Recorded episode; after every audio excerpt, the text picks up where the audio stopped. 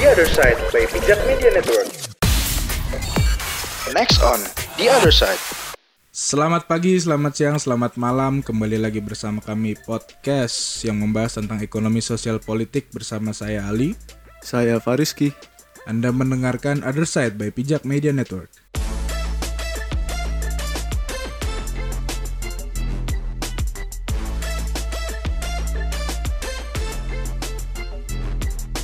Kembali lagi bersama kami di podcast Other Side by Pijak Media Network. Ada hal menarik nih Ki, ya nggak menarik sih sebenarnya menyedihkan ya. Eh, tentang baru-baru ini kan terjadi terorisme lagi di Sri Lanka ya, kalau nggak salah ya. Iya. Menyebabkan banyak korban pengeboman di gereja gitu. Yep. Eh, aku sih nggak pengen bahas tentang kejadiannya, cuman yang jadi pertanyaannya tuh, ini kan bom pengeboman ini kan berkali-kali nih. Jadi aku kemarin lihat studi tentang terorisme nih. Terorisme tuh bisa terjadi karena kemiskinan. Kemiskinan itu eh, karena dia miskin terus, tidak dapat perhatian pemerintah, akhirnya eh, dan tidak dapat pendidikan juga, akhirnya gampang dipengaruhi oleh eh, orang lain gitu.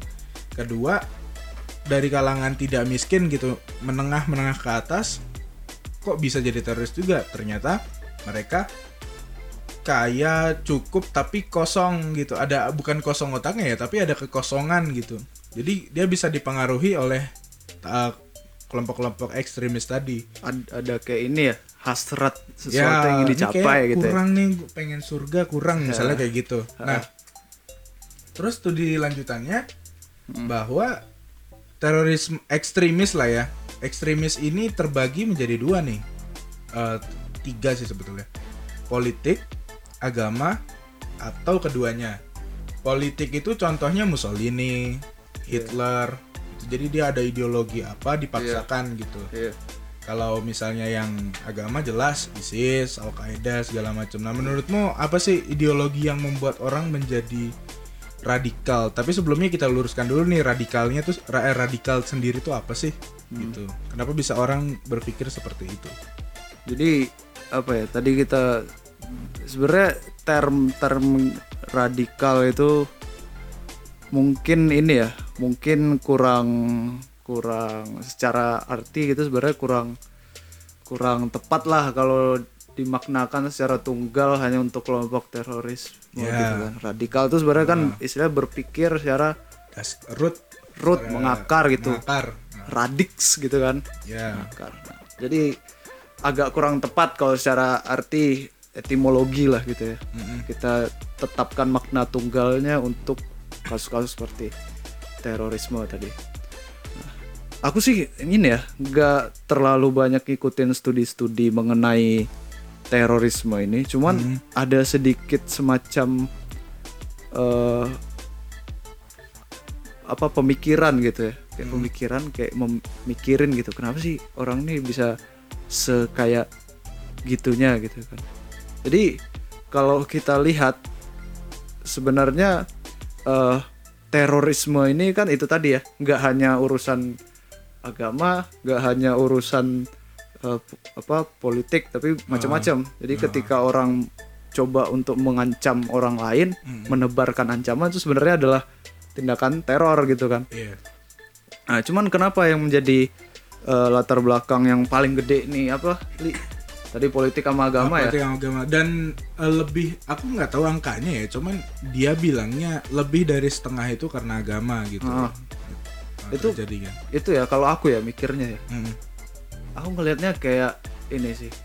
eh penempelan identitas gitu. Jadi Mm. penempelan identitas yang eh, dikultuskan kayak gitu. Jadi ketika dia apa misalkan ada juga kan kayak suku gitu, etnis kayak gitu kan teror-teror terhadap ma- dalam masalah itu karena apa namanya ditempeli oleh doktrin-doktrin bahwa identitasnya itu adalah yang kultus, yang suci gitu. Iya. Jadi ketika mungkin ada konflik, ada pergesekan antar identitas, jadi ada upaya-upaya untuk eh, apa namanya memapankan identitasnya gitu loh, eh, menjaga atau melindungi identitasnya atau juga mengkonfrontasi orang-orang yang bertentangan dengan identitasnya gitu. Kayak kita lihat aja tuh kayak misalkan latar belakang latar belakang teroris teroris yang islamis islamis gitu kan itu kan mereka sangat sering menyebut nyebut apa kafir kafir dan segala macam kayak gitulah jadi itu karena mereka menurutku ya ditempeli oleh eh, identitas identitas tadi itu secara saklek dan eh, dikultuskan gitu oleh Ah. oleh kelompoknya. Yang kedua juga kenapa bisa terjadi doktrinisasi seperti itu? Karena dibentuk mental-mental kayak ya mental-mental yang otoritatif gitu loh. Mereka tunduk sama imam-imamnya. Ya. Jadi mungkin yang punya kepentingan sebenarnya adalah imam-imam yang tadi kau bilang kan. ya. Kayak banyak juga yang sebenarnya kaya gitu. Imam-imam teroris juga mungkin kaya-kaya kali orangnya. Bin Laden tuh kayak banget coy, Kaya banget kan. keluarganya. Nah, mungkin mereka yang punya kepentingan, cuman karena mereka punya kekuatan, modal finansial atau modal sosial ya kan. Jadi eh mereka punya otoritas di situ. Jadi para orang-orang yang mungkin bisa dimanfaatkan, ya kan, dibangunlah mental-mental tunduk pada otoritas itu gitu loh. Sehingga doktrin-doktrin tadi dengan memanfaatkan masalah identitas dan segala macamnya Hmm. itu bisa sampai ke orang-orang itu tadi gitu. Jadi modal tadi bukan hanya tapi modal apa namanya reli- religiusitas juga mungkin bisa kali ya. Kayak dilihat nih orang alim gitu kan, orang ulama-ulama terlihat dalam tanda kutip seperti ulama. Jadi ketika dia bicara seolah-olah eh, apa yang dia ucapkan itu adalah sesuatu yang harus disucikan gitu dan harus dikerjakan. Itulah tadi karena mental-mental yang menurutku tadi apa ya otoritatif tadi sih. Ta- Tapi ada yang menarik, yang yang ku bilang tadi tentang kemiskinan itu, Ah, ah. dia pun eh, berkoneksi dengan pendidikan. Jadi karena dia miskin, tidak bisa mendapatkan pendidikan yang layak gitu kan. Ah, ah. Jadi karena dia terjerat nih dalam apa namanya lingkaran kemiskinan nih, dan dia Ah. tidak dapat pendidikan, akhirnya tidak bisa berkembang. Dia gampang dihasut gitu. Ah. ini eh, balik ke cerita pertama tentang kaum kaum ekstremis nih. Jadi waktu zaman Khalifah Ali bin Abi Thalib ada ada fitnah besar. Sebagian cerita fitnahnya itu dari kaum Syiah, sebagian juga cerita fitnahnya itu terjadi dengan sendirinya gitu. Jadi intinya sesama muslim perang dan nih. Eh, Ali bin Abi Thalib perang sama Muawiyah yang akhirnya Muawiyah jadi kerajaan kan. Hmm. Nah, perangnya dua kali, perang Jamal sama perang Siffin kalau nggak salah, aku lupa namanya. Pokoknya yang perang yang kedua nih yang Siffin.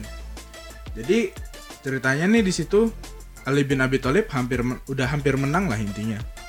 Eh, dia perang juga sama istri Nabi Siti Aisyah gitu. Udah perang, Muawiyah eh, di dalam ceritanya yang ku dengar ya, dia ngangkat Al-Qur'an di tengah-tengah perang. Itu tandanya udah kita nggak usah perang lagi kita selesaikan dengan cara negosiasi eh, Al-Quran gitu tahkim kalau nggak salah namanya Ali bin Abi Thalib saat itu setuju. Iyalah daripada perang kan mendingan ya udah negosiasi apa salahnya gitu. Ada beberapa kelompok orang yang tidak setuju nih dengan Khalifah Ali bin Abi Thalib. Eh, nama mereka disebutnya kaum Khawarij. Jadi ada beberapa ribu orang yang tidak setuju. Dia mereka bilangnya ya kalau hukum ya hukum Allah dong nggak bisa negosiasi pokoknya Allah bilang dibunuh bunuh gitu. Di- di- mereka mikirnya kayak gitu. Berarti kan sangat ekstremis sekali kan. Mereka tidak setuju dan akhirnya tapi mereka nggak langsung tidak setuju gitu. Dia mereka mundur pelan-pelan lama-lama dalam sejarah mereka lah yang membunuh Khalifah Ali bin Abi Thalib gitu. Diceritakan juga di sana. Kalian bisa cari ceritanya sih di internet banyak. Eh, bahwa mereka tuh suku Baduy sedangkan suku Baduy di Arab ini suku apa ya yang yang dalam tanda kutip kurang terdidik gitu loh. Kayak orang-orang padang pasir orang-orang apa yang kurang terdidik. Jadi mereka sekali kena dogma waktu itu Al-Quran kan berarti langsung oh berarti hukum Allah nih yang harus ditaati gitu. Nah kalau sekarang mungkin kalian juga sering pernah mendengar istilah Wahabi Salafi kayak gitu gitulah cuman nggak semuanya sih eh, bahkan beber bahkan lebih eh, kebanyakan mereka tuh menolak tentang terorisme gitu. Cuman beberapa orang yang akhirnya menjadi kelompok-kelompok kayak ISIS kayak eh, dulu kan banyak tuh jamaah jemaah apa jemaah apa yang jadi teroris di Indonesia. Karena mereka kurangnya pengetahuan. Jadi sekali dibilang jihad itu ngebunuhin orang non muslim ya langsung oh iya pokoknya kalau aku jihad aku masuk surga gitu. Hmm. jadi ada memang kita harus radikal dalam berislam gitu ya. Tapi radikalnya dalam pikiran. Jadi ya udah dalam pikiran kita Islam yang paling benar gitu misalnya tapi dalam uh, Islam sendiri kan tiga. Ada ibadah yang ritual sholat puasa zakat gitu kan. Ada akidah kelakuan kalian sendiri gitu. Kelakuan uh, sehari-hari ada muamalah hubungan antar manusia. Dan manusianya itu jangan lupa manusianya itu seluruh alam. Bukan se-Islam Islamnya aja kan jadi menurutku kalau yang kena dogmatisme ini memang karena kurangnya pengetahuan sih Iya. tentang tentang Islamnya itu sendiri. Kalau misalnya kita bilang Islam ya walaupun sebetulnya banyak juga gerakan ekstremis yang eh, tidak hanya Islam aja kayak eh, Ku Klans tuh yang ngabisin orang kulit hitam ya? Iya, iya. yang topinya tajam itu. Nah terus di bergerakan Katolik juga ada terus di yang di apa namanya yang di India itu apa namanya yang orang-orang Buddha itu kan. Jadi sebetulnya banyak terjadi kayak gini karena mungkin dia tidak memahami secara dalam apa sih sebetulnya tentang agamanya itu atau tentang ideologinya itu sendiri gitu. Nah, inilah tadi yang eh, aku bilang tadi kan kalau eh, kelompok-kelompok orang ini ditempeli doktrin yang mana paling sensitif untuk mereka gitu. Dengan identitas yang mana itu paling sensitif. Iya. Jadi bisa warna kulit identitas ras gitu kan. Iya. bisa eh, identitas agama. Terus itu tadi juga kurangnya benar itu tadi pengetahuan atau ilmu tadi. Soalnya kadang mereka banyak memakai ayat Ya. ayat dari kitab-kitab gitu kan. Ayat dari kitab sebagai eh, afirmasi lah atau legitimasi mereka untuk melakukan aksi-aksi teror kayak gitu gitu. Nah, sebenarnya eh, apa ya eh, fenomena-fenomena kayak gitu adalah semacam sebuah mungkin kesalah interpretasian Iya. ya kan kalau kita mikirnya sebagai orang yang menolak tindakan itu kita akan berpikir kalau itu adalah misinterpretasi. Iya. kenapa? Karena mungkin mungkin mereka mencerna atau menginterpretasi ayat itu secara parsial. Iya. ya kan? Karena eh, istilahnya kalau kita bicara soal misalkan kitab suci ya kan?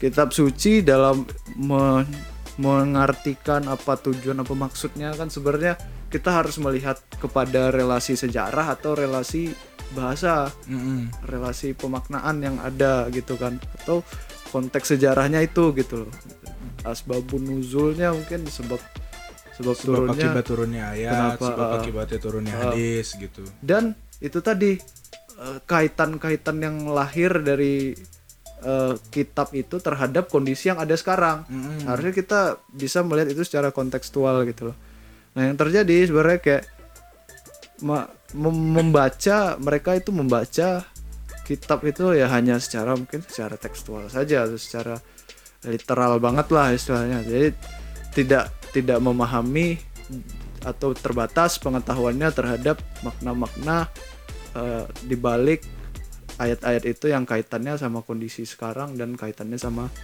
sejarah tadi gitu. Nah, lanjutannya dari ketidakpahaman yang kita bicarain tadi itu menurutku se bibit-bibit yang bahaya ya.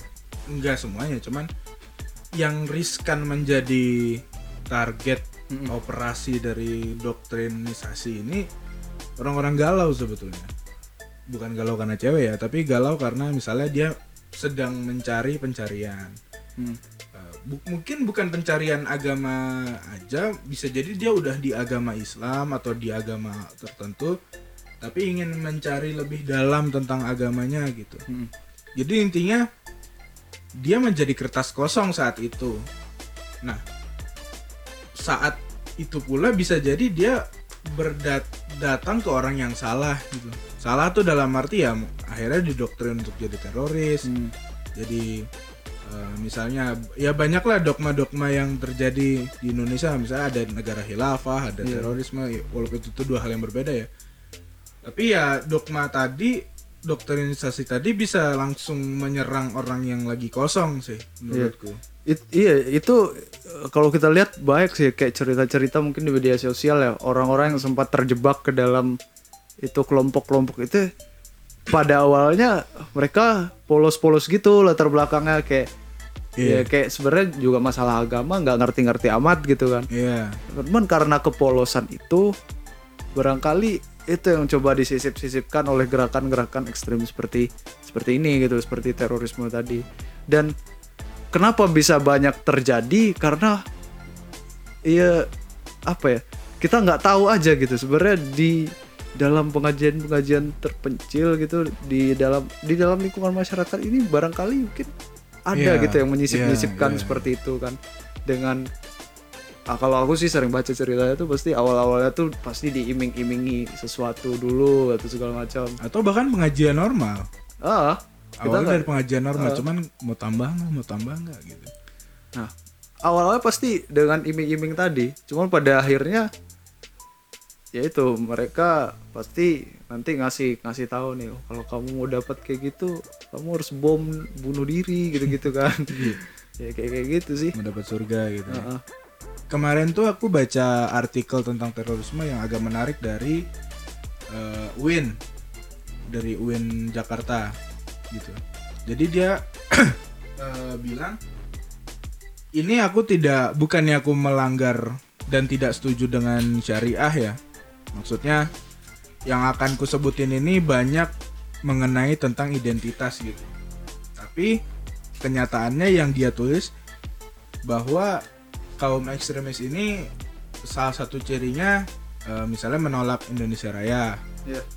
terus misalnya eh, isbal terus misalnya bercadar. Walaupun itu sebetulnya akhirnya penyimpangan. Nanti kita akan ngomongin kenapa isbal dan cadar itu bisa jadi isbal tuh celana yang ngatung gitu loh. Eh, kenapa itu bisa jadi apa namanya ya seperti image-nya teroris? Nanti kita akan bicarain. Tapi salah satu ininya juga salah satu tandanya juga mereka memang berdakwahnya sembunyi-sembunyi. Jadi jangan salah orang-orang ini eh istilahnya pinter banget. Tapi pinter di jalan yang salah tuh loh. Eh, menurut strategi strateginya kaderisasinya gitu banget. ya. Ah, jadi mulai mulai dari diajak eh, pengajian biasa mungkin mulai dideketin ngobrol-ngobrol ya, ngobrol, diiming-imingi dulu mesti. Ah, ah, dan dia cari kan dia kan pasti ngerti mana orang yang langsung menolak mana ada yang eh iya juga ya gitu. Nah yang iya juga iya juga ini makin dideketin makin dideketin makin yakin makin ketarik.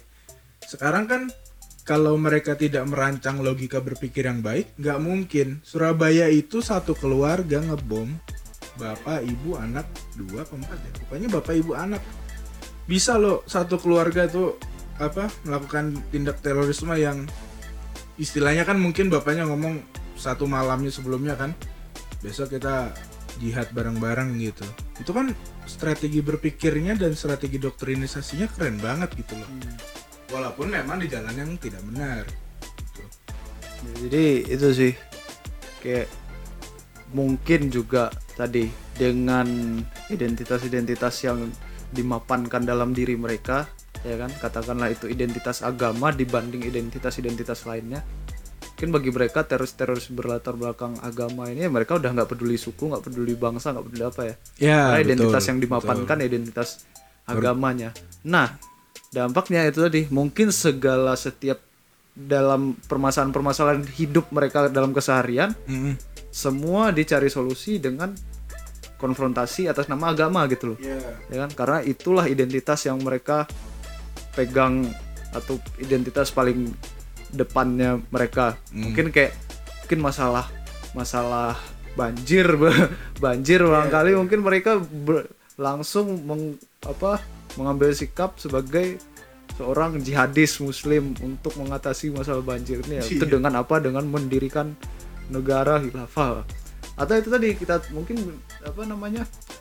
romantisme romantisme masa lalu kali ya. Dari zaman-zaman mungkin apa kekuasaan kekhalifahan yang mungkin mereka terima sejarahnya adalah peradaban yang di zaman itu mereka hidupnya enak gitu. Baik sebagai orang Islam ataupun sebagai manusia gitu. Nah, cuman ketika ditarik ke zaman sekarang mungkin mereka menerima segala macam permasalahan kemiskinan atau kebodohan dan segala macamnya itu yang mereka simpulkan sebagai sebuah bentuk eh, permasalahan harus dilawan dengan sikap-sikap sebagai jihadis gitu kalau aku lihat kalau aku lihat eh, kayak gitu sih walaupun di masa-masa di zaman-zaman dulu mungkin ya orang konfrontasi konfrontasi ideologi gitu ya sekarang mungkin balik lagi ke masa-masa kita eh, ini lagi nih Tadi ada hal menarik sih. Aku ini menyimpang dikit aja. Eh, yang tadi kamu bilang tentang masalah banjir. Hmm. Jadi menurutku eh, aku tidak apa ya, tidak mem- tidak sepenuhnya menolak bahwa bisa jadi bencana banjir ini karena memang dari Tuhan gitu. Hmm. Tapi eh, gini perbedaannya zaman dulu tuh karena dia bisa belum membuktikan secara ilmiah Hmm. atau teknologi. Ah. Kenapa banjir? Eh, itu ya terjadi karena misalnya azab gitu kan. Hmm. Tapi kalau di zaman modern ini kita bisa bilang itu azab kecil atau itu dari kirim apa istilahnya Allah murka dengan warganya bisa jadi tapi murkanya itu dalam arti ada sebab akibatnya. Misalnya tadi murkanya karena bikin tambang di daerah das. Jadi apa ya lebih ke ada pembuktian ilmiahnya tuh loh. Jadi Hmm. misalnya banjirnya kenapa karena manusia gini karena manusia gitu, gitu. Tapi Nggak. ini sedikit aja sih maksudku tadi bukan ini ya bukan bahwa ketika ini misalkan terjadi bencana dikaitkan ke agama enggak tapi ya misalkan itu tadi ya misalkan karena banjir mereka ya solusinya khilafah kayak gitu maksudnya sebenarnya oh iya, iya, bukan iya, iya. jadi kalau aku juga apa ya istilahnya toler tolerir tolerir aja sama metode verifikasi yang macam-macam baik itu Hmm. orang pendekatannya ya karena agama atau pendekatan ilmiah gitu-gitu Hmm. kan aku terima terima aku toleransi aja tolerir aja gitu. Yang aku maksudkan tadi sebenarnya ini ya mungkin karena kemiskinan terus ditarik solusinya khilafah. Ah. terus karena banjir tarik solusinya khilafah jihad perang gitu-gitu. Terus misalkan anaknya kurang gizi misalkan. Khilafah. khilafah jihad. Itu karena apa ya? Karena tadi ya kan? Karena didoktrin bahwa identitas mereka sebagai seorang Islam gitu kan adalah identitas yang paling depan gitu. Ba- baik bukan hanya dalam urusan-urusan ini ya transenden urusan-urusan ketuhanan gitu. Tapi ketika itu jadi sebuah identitas ya udah maka itu ini apa namanya? Ya kita bicara dalam lingkup horizontal gitu dalam kehidupan sehari-hari gitu. Ah. sehingga itu tadi ketika itu ditempelkan sebagai identitas yang paling depan gitu dan istilahnya mereka militan terhadap identitas itu sehingga seolah-olah semua masalah solusinya adalah dengan cara itu gitu loh gitu Eh, aku mau masuk ke yang selanjutnya yang tadi gue bilang ya. Kenapa isbal atau celana ngatung atau ya ya kalian tahu lah. Terus bercadar kenapa sih eh, diidentikan dengan teroris gitu? Sebetulnya memang itu bukan pakaian teroris itu ada terlepas dari eh, semua pendapat-pendapat ulama ya. Ya memang itu disunahkan juga gitu. Kenapa itu jadi ini teroris? Karena kita juga jangan lupa bahwa ada ilmu branding nih. Jadi memang eh, waktu baru ini nih, Be, inget gak sih Ki waktu bom Kampung Melayu yang pakai bom panci itu, kan ada orang eh jadi katanya ciri-cirinya memang kayak gitu, isbal berjanggut gitu. Nah setelah pengeboman itu akhirnya polisi kan waspada kan, waspada dengan orang-orang yang eh, isbal gitu. Itu kenapa? Karena memang branding. Branding tuh apa sih? Meng- melakukan sesuatu dan itu yang ditanamkan masyarakat dan berulang-ulang. Kebetulan pelakunya tuh kayak gitu kebanyakan yang diceritakan. Akhirnya itulah yang jadi branding. Jadi sebetulnya memang kita juga harus berpikirnya lebih jernih nggak itu jangan sampai jadi br- brand itu kan memang sebetulnya kayak sunnah orang Islam gitu nah jangan sampai kayak gitu-gitu tuh jadi brandnya teroris gitu loh. Karena branding tadi. Iya itu artinya ini kan ya branding mereka itu tadi juga itu dilekatkan atau dijadikan apa bagian dari atribut-atribut dalam satu agama tertentu gitu kan Hmm. Islam misalkan. Nah jadi aku juga berpesan nih istilahnya kadang mungkin orang banyak ini ya berpikir bahwasanya oh orang itu kayak kayak kayak gitu tuh bukan orang Islam tuh gitu kayak Iya. apa ya menurutku itu tidak bijak sih kenapa tidak bijak karena seolah-olah kita mau melepaskan tanggung jawab kita sebagai orang Islam terhadap Kayak ini apa terorisme punya agama gitu. iya Iya. Iya kayak Kan nggak bisa dilepasin juga memang dia beragama dan memang dia tuh beragama dan doktrin iya benar doktrinnya doktrin agama Iya. alat yang dipakai adalah alat ya agama tadi ayat-ayat yang sama juga kita baca juga sebenarnya Iya, cuman salah interpretasi Nah, gitu. interpretasi yang salah. Nah, aku melihat orang-orang kok merasa lepas tanggung jawab dengan mengatakan bahwa teroris nggak punya agama gitu. Ya Iya. kan? Jadi seolah ada atribusi juga kalau teroris itu satu golongan sama ateis atau gitu. itu juga tidak benar ya gitu ya. Atau Tidak. teroris kayak ini loh, kayak apa namanya? Kayak dia kelompok sendiri terus punya ideologi terorisme sendiri nah kebetulan Islam kan nggak gitu kan memang Iya. dia karena doktrinnya Jadi menurutku ya sebagai orang Islam ya sudah harus sih bertanggung jawab misalkan kita harus memberikan apa ya pendampingan gitu kan. Pendampingan terhadap paham-paham ya kan. Kita nggak bisa melarang paham-paham masuk itu nggak bisa ya kan. Hmm, kalau kita melarang artinya sama juga kita mendoktrin gitu iya. ya kan. Kalau kita misalkan melarang komunis gitu ya orang komunis ya sama aja kita mendoktrin anti komunis gitu Iya. ya kan. Jadi yang harus kita berikan adalah pendampingan gitu kan pembimbingan atau pengajaran pendidikan terhadap maksud tujuan latar belakang dari satu paham-paham tertentu gitu Mm. bukan berarti gini nih bukan berarti misalkan kita menolak terorisme bukan berarti kita apa ya buta tentang terorisme ini malah bagus kalau kita bisa pelajari Iya. apa latar belakang mereka apa ini nah bentuk-bentuk pendampingan yang seperti itulah sebenarnya akan apa ya bentuk tanggung jawab kita gitu untuk Hmm. kemudian kita bisa me- apa ya mengurangi atau eh, mengantisipasi dampak-dampak kayak gini. Begitu juga kayak ideologi gitu. Kalau kita misalkan tidak suka terhadap komunisme bukan berarti kita harus tidak membaca komunis gitu tidak membaca hal-hal yang terkait komunisme. Justru kita harus belajar dari situ dan dari situ kita apa istilahnya eh, melakukan sebu macam-macam pendampingan terhadap misalnya pendidik pendidikan untuk anak-anak kayak gitu berarti menutup akses mereka terhadap itu sih menurutku ya Aku setuju banget sih karena memang kita kalau menyelesaikan masalah terutama tentang masalah golongan gitu ya kita memang harus mempelajari cara kerjanya mereka tuh gimana. Soalnya akan akan aneh jika dibilang wah nih teroris sih kurang iman. Justru iman mereka kuat banget.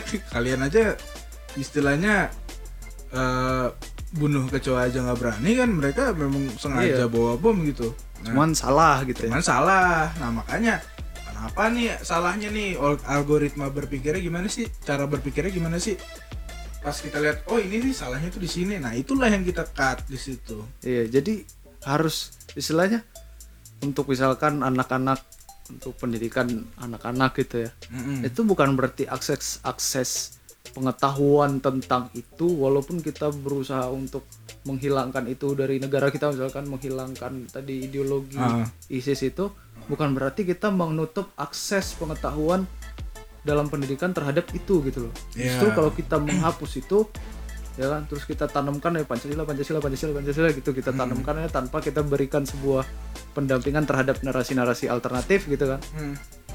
Mereka mungkin ketika suatu saat akan bertemu dengan pandangan baru bisa jadi berbelok nih. Tapi kalau kita dampingi ya kan? Kita buka sebuka-bukanya gitu istilahnya. Informasi narasi tentang ini narasi tentang A tentang B tentang C. Dan kita dampingi gitu dalam sistem pendidikan gitu. Kalau kurikulum di kampus sih agama Islam memang sekarang udah dari dikti. Jadi nggak tiap eh, kurikulumnya itu memang beneran dari dikti bukan dari kampusnya gitu dan yang kulihat memang kurikulumnya itu sih lebih ke toleransi radikalisasi. Dan mungkin itu bisa ditanamin mulai dari SD atau dari TK atau dari TPA ya disesuaikan dengan pola berpikirnya lah. Misalnya kalau TK bilangnya gimana kayak gitu.